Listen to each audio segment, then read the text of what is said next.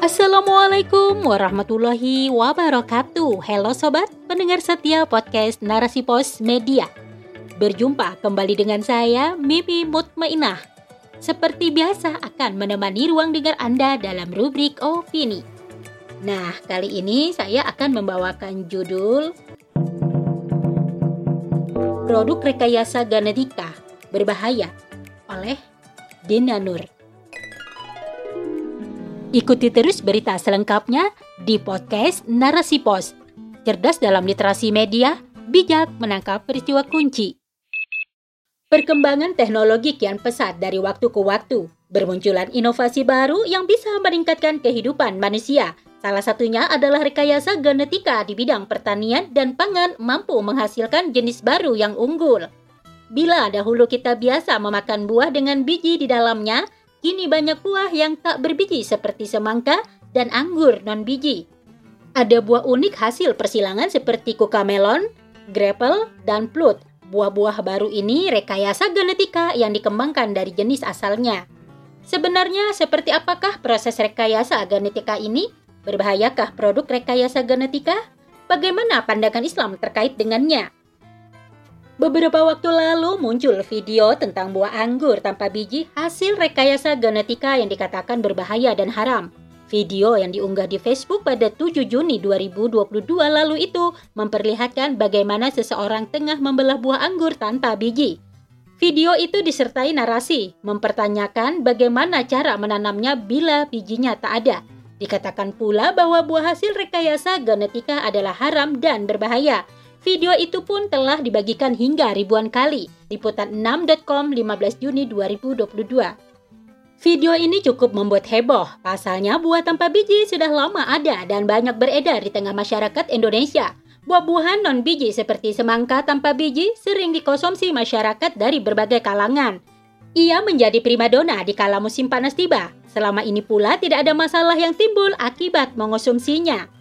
Dilansir dari cekfata.tempo.co 17 Juni 2022, Profesor Dr. Insinyur Antonius MSC, Guru Besar Departemen Biologi Fakultas MIPA IPB, memastikan bahwa buah tanpa biji hasil rekayasa genetika tidaklah berbahaya karena buah ini juga bisa dihasilkan dari alam. Buah semacam ini merupakan hasil dari variasi genetik yang terjadi secara alami. Menurutnya, para ilmuwan mengembangkan buah tanpa biji berdasarkan adanya temuan buah tanpa biji yang tumbuh secara alami. Dalam kasus semangka tanpa biji atau triploid memiliki kromosom 3, ilmuwan melakukan persilangan antara semangka berbiji atau diploid yang tersusun dari dua pasang kromosom. Dengan semangka tetraploid memiliki susunan kromosom 4 yang dihasilkan melalui perlakuan kimiawi dengan senyawa kolksisin. Proses modifikasi genetik yang menggunakan kolkisin hanya meniru kejadian buah tanpa biji yang sudah biasa terjadi secara alami di alam. Di dalamnya tidak melibatkan adanya paparan pestisida atau toksin. Menanam buah tanpa biji juga tetap dengan benih yang telah melewati proses persilangan dari tetua yang diploid dan tetraploid. Benih yang dihasilkan tersebut merupakan cikal bakal tanaman tak berbiji. Itulah yang kemudian bila ditanam akan menghasilkan buah non biji jadi, jelas yang ditanam ada wujudnya, bukan sulapan yang tiba-tiba langsung ada. Produk rekayasa genetika memang sudah marak di tengah masyarakat. Banyak tanaman pangan yang merupakan hasil dari rekayasa genetika. Ini memberi manfaat kepada masyarakat secara luas dalam memenuhi kebutuhan akan bahan pangan serta alternatifnya. Rekayasa genetika sendiri merupakan inti dari bioteknologi, yaitu aplikasi teknologi menggunakan mikroorganisme untuk membuat produk baru atau jasa baru. Prinsip bioteknologi sederhana telah lama diterapkan dalam kehidupan manusia sejak ratusan tahun yang lalu. Contoh, pemanfaatan bioteknologi tradisional adalah pemuliaan tanaman untuk menghasilkan varietas-varietas baru, pembuatan tempe, cuka, kecap, keju, dan roti. Di masa kini, bioteknologi berkembang sangat maju, ini ditandai dengan adanya teknologi rekayasa genetika, kultur jaringan, DNA rekombinan, pengembangbiakan sel induk, cloning, dan lain-lain. Jadi, rekayasa genetika merupakan bagian dari bioteknologi. Teknik rekayasa genetika dilakukan dengan menyisipkan DNA baru ke reseptor atau penerima. Kata lain, rekayasa genetika adalah modifikasi genetika dengan memanipulasi langsung gen suatu organisme menggunakan bioteknologi. Ini dilakukan untuk mengubah susunan genetik sel. Caranya bisa dengan menghapus dan menambah DNA atau gen, atau dengan mengambil DNA organisme lain lalu menggabungkan ke DNA organisme penerima sehingga menambah sifat barunya. Secara sederhana, rekayasa genetika berarti memodifikasi gen organisme sedemikian rupa hingga didapatkan organisme yang meningkat. Tujuannya supaya tanaman yang diinginkan memiliki ketahanan yang lebih baik pertumbuhan yang cepat, dan nilai gizi yang tinggi. Dari proses rekayasa genetika dihasilkan buah-buahan tanpa biji. Didapatkan pula buah dengan aneka warna, bentuk, dan rasa yang unik. Panennya berlimpah dan berkualitas unggul. Modifikasi genetika menghasilkan berbagai macam PRG dengan sifat yang meningkat. Ada sejumlah buah unik yang merupakan hasil dari rekayasa genetika. Contohnya adalah Blut, merupakan hasil rekayasa genetika dari buah plum dan aprikot. Flutes memiliki rasa yang sangat manis dan tekstur kulit yang lembut. Buah ini mengandung vitamin C yang tinggi, likopen sebagai antioksidan, antosianin, potasium, dan lutein.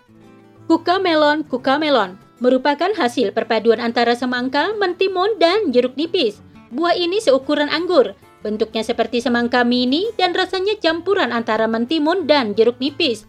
Tanaman buah ini termasuk mudah dikembangkan. Ia kebal terhadap hama dan tahan kering. Buahnya bisa dikonsumsi langsung atau dicampur salad. Grapple Buah ini berbentuk apel dengan tekstur seperti anggur. Ia memiliki rasa perpaduan antara apel dan anggur yang fresh. Kandungan vitamin C di dalam gravel juga melebihi yang dimiliki apel dan anggur. Buah lainnya peacotum, kiwi berry, pepaya California, dan masih banyak lagi. Selain enam buah di atas, banyak tanaman yang dihasilkan dari rekayasa genetika seperti jagung manis, tomat, kedelai, kanola, kapas, kentang, dan lain-lain. Tanaman tersebut telah melalui proses modifikasi genetika untuk mendapatkan hasil yang bagus secara kualitas dan kuantitas.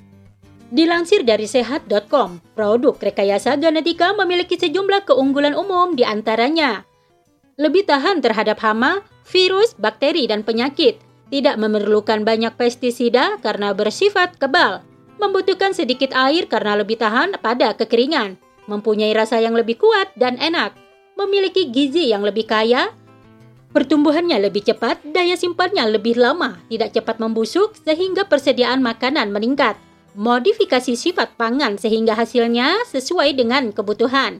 Misalnya kentang dengan karsinogen yang lebih sedikit ketika digoreng.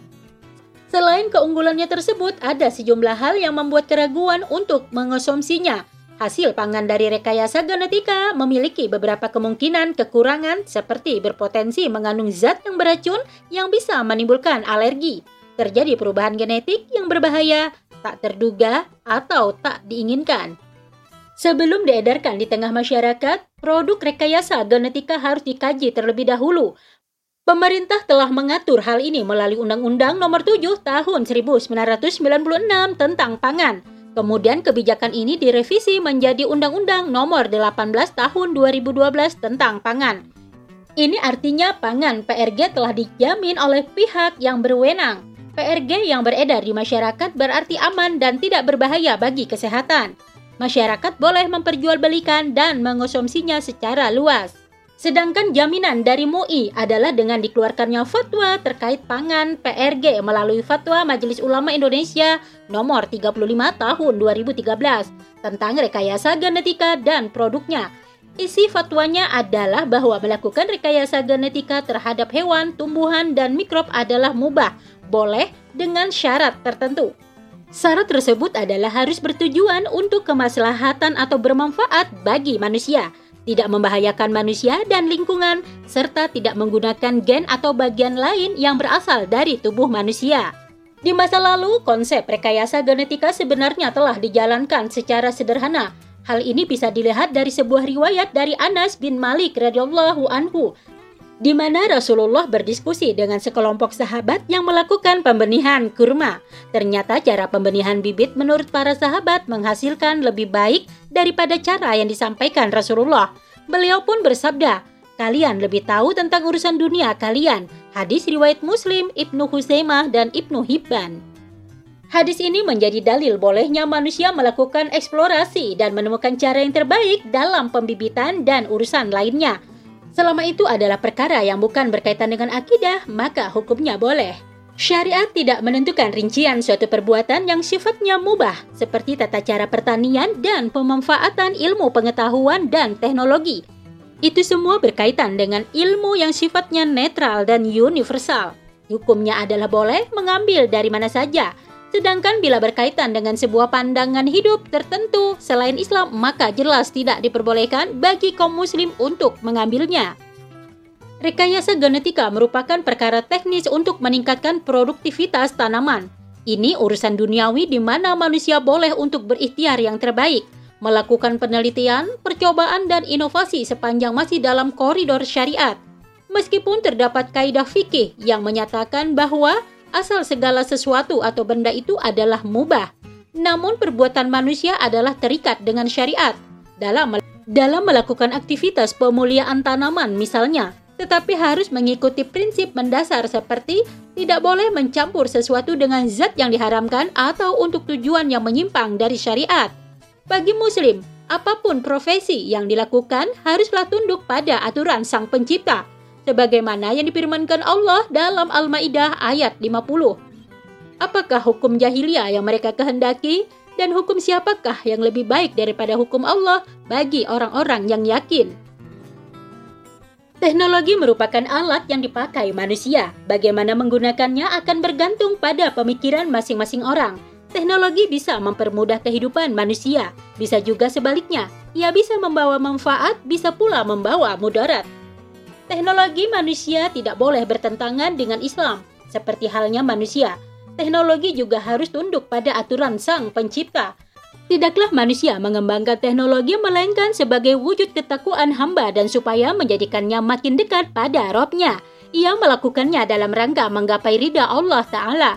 Demikian pula rekayasa genetika yang merupakan tanda perkembangan teknologi haruslah menyesuaikan dengan prinsip syariat. Karena itulah syariat Islam selalu menjadi panduan bagi manusia dalam melakukan setiap upaya meraih kemajuan materi. Bukan untuk bermegah-megahan di dunia, melainkan untuk meretas jalan ke surganya. Teknologi harus mampu menjadi jalan bagi hamba untuk lebih bertakwa. Wallahu alam biswab.